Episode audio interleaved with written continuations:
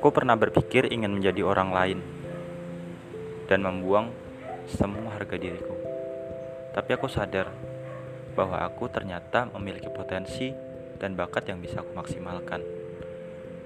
Aku sangat menyesal dan berdosa ketika memutuskan untuk menjadi orang lain.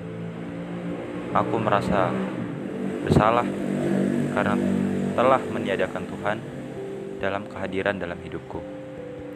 Aku seharusnya tak berpikir seperti itu. Aku harusnya tetap menjadi diriku apa adanya, walaupun itu buruk, tapi itu aku. Aku bangga menjadi diriku. Aku bersyukur dengan apa yang telah diberikan oleh Tuhan. Dan ini adalah suatu amanah yang besar yang diberikan untukku dan hanya untukku saja.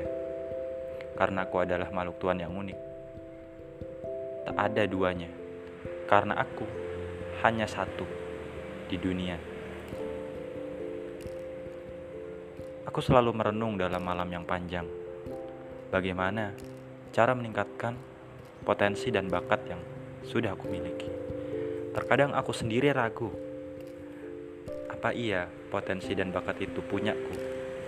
Apa iya aku bisa menggunakan potensi ini untuk kemaslahatan umat?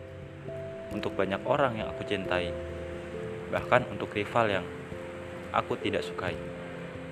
Tapi biarlah itu berlalu. Aku pun sudah tak habis pikir lagi. Aku tak mau kesalahan yang sama aku lakukan untuk kedua kalinya.